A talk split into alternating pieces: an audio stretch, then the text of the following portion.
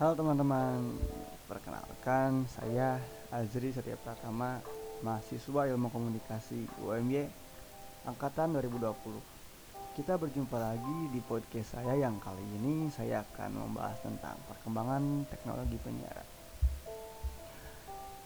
Uh, sebelumnya nih, uh, kalian mungkin uh, sudah tidak asing lagi dengan kata penyiaran ya.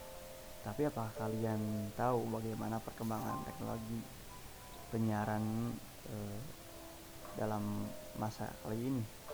Nah, buat kalian yang belum tahu, saya akan menjelaskan tentang perkembangan teknologi dari penyiaran itu sendiri.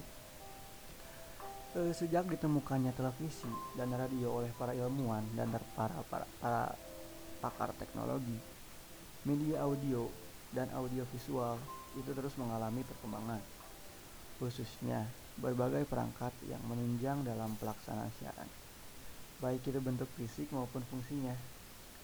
Teknologi yang berkembang semakin mempermudah para kreator-kreator dalam industri penyiaran.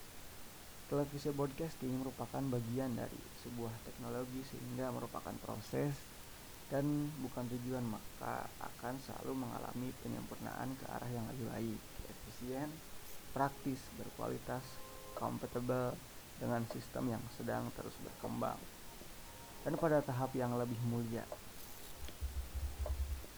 Perkembangan teknologi perangkat media penyiaran juga berdampak cukup besar pada sistem jalur produksi TV atau radio, di mana sebuah kreativitas harus ditunjang dengan perangkat-perangkat yang kompatibel dan perencanaan produksi yang baik.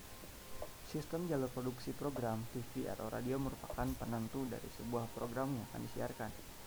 Manajemen produksi yang baik akan melahirkan produk siaran yang baik pula.